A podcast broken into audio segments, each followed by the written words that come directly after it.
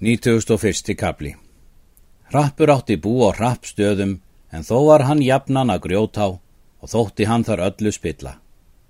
Þráin var vel til hans. Einu hverju sinni var það, þá er ketlill úr mörg, var að berðórskóli, þá sögðu njálsinni frá rakningum sínum og hvaðust mikið eigað heimta að þráni, nær sem þeir töluðu til. Njál sagði að það væri best að ketill talaði til við þráin bróður sinn. Hann hétt því. Gáðu þeir kalli tómstund til að tala við þráinn. Littlu síðar indi Ketil til við þráinn. Njálsinnir fréttu Ketil, en hann hverst fátt mundið frá herma orðum þeirra. En það fannst á að þráni þótti ég mikils virða másend við yður. Síðan hættu þeir talinu og þóttust þeir sjá að erfiðlega horði og spurðu föður sinn ráðs hversu með skildi fara hvaðust eigi una að svo búi stæði. Njál svaraði, eigi er slíkt svo óvand. Það mun þykjum sakleysi ef þeir eru drefnir og er það mitt ráð að skjóta að sem flestum um að tala við þá, að sem flestum verði heyrin kunnugt, ef þeir svara illa og skal kári umtala því að hann er skapdeildar maður.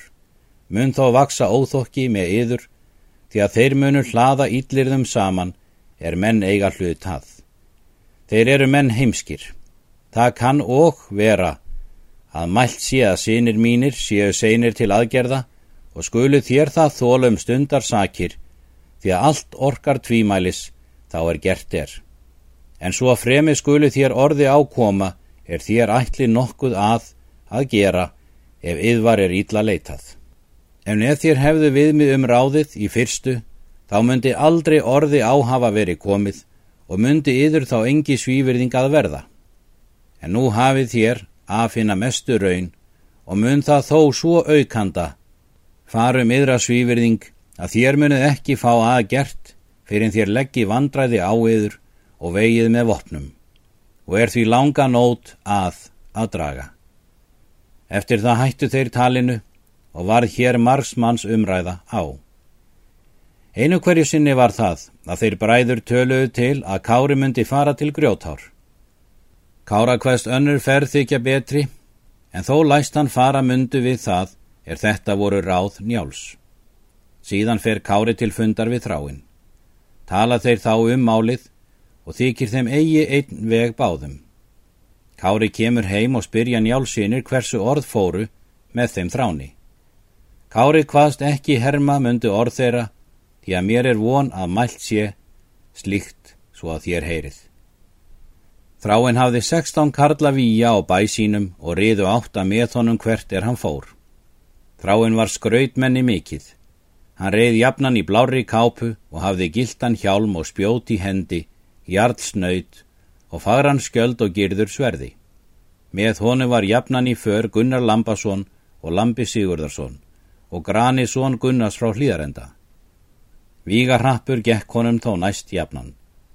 Lóðin hétt og heimamaður hans. Hann var og í ferðu með þráni.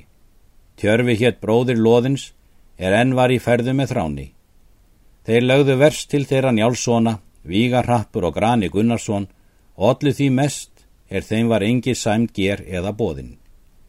Sýnir njáls rætti nú um við Kára að hann myndi fara með þeim til grjótár og það gerði hann og hvað það vel að þeir heyrðu svör þráins. Byggust þeir þá fjóri njálsinir og kári hinn fymti. Þeir fara til grjótár, þar var andir í breytt og máttu margir menn standa jafn fram. Kona einn var úti og sá ferð þeirra og segir þráni. Hann bað menn gangi í andirið og taka vopp sín. Þeir gerðu svo. Stóð þráin í miðjum dyrum en þeir stóðu til sinnar handar hvor Vígarrappur og Grani Gunnarsson. Þar næst Gunnar Lambasson, þá Lóðinn og Tjörfi, þá Lambi Sigurðarsson, þá hverað hendi því að karlar voru allir heima. Þeir skarpiðin gangaði neðan og gekk hann fyrstur. Þá Kári, þá Höskuldur, þá Grímur, þá Helgi. En er þeir komað dýrónum fjallust þeim allar kveðjur er fyrir voru. Þá mælti skarpiðin. Allir séum við velkomnir, Hallgerður stóð í andirinu og hafði tala hljótt við hrapp. Hún mælti. Það mun engin mæla sá er fyrir er að þér séu velkomnir. Skarpjén mælti. Ekki munu meiga orð þín, því að þú ert annarkvort hordkerling eða púta. Goldun skulu þér þessi orð áður þú fer heim, tegir Hallgerður. Helgi mælti. Þegar ég komin að finna þráinn, ef þú vilt gera mér sæmt nokkura fyrir hrakningar þær, er ég hlaut í Nóriði fyrir þínar sakir. Þráinn mælti. Aldrei vissi ég að þið bræður myndu gera drengskap ykkar til fjár eða hversu lengi skal fjárbón sjás yfir standa. Það munu margir mæla, segir Helgi, að þú ættir að bjóða sæmdina þar sem líf þitt lág við. Þá mælti hrappur. Þar gerði nú gæfumunin er sáhlaut skellin er skildi og dró yður undir hrakninguna en oss undan. Lítil var það gæfa, segir Helgi, að bregða trúnaði sínu við jarl en taka þig við. Þykist þú eigi að mér eiga bótina, segir Rappur. Ég mun bæta þér því sem mér þykir maklegt.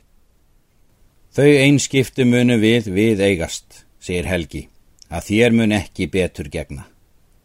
Skarpið en mælti. Skiptið ekki orðin við Rapp, en gjaldið honum rauðan belg fyrir gráan. Rappur mælti. Þegið þú skarpjöðin, ekki skal ég spara að bera mína öksi að höfði þér. Reynd mun slíkt verða, segir skarpjöðin. Hver grjóti hliður að höfði öðrum?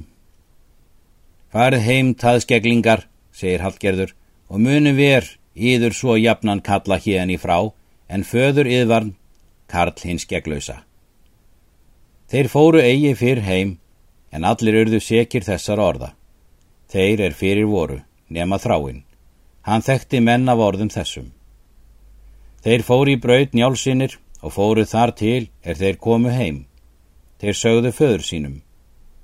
Nemdu þér nokkur að vottað orðunum, segir njál. Enga, sagði skarpjén, við ætlum ekki að sækja þetta nema á vopnaþingi. Það mun engi nú ætla, segir Bergþóra, að þér þórið handað hefja. Haf þú lítinn við húsfrega, segir Kári, að eggja sónu þína, því að þeir munu þó ærið framgjarnir. Eftir það tala þeir lengi hljótt allir feðgar og Kári.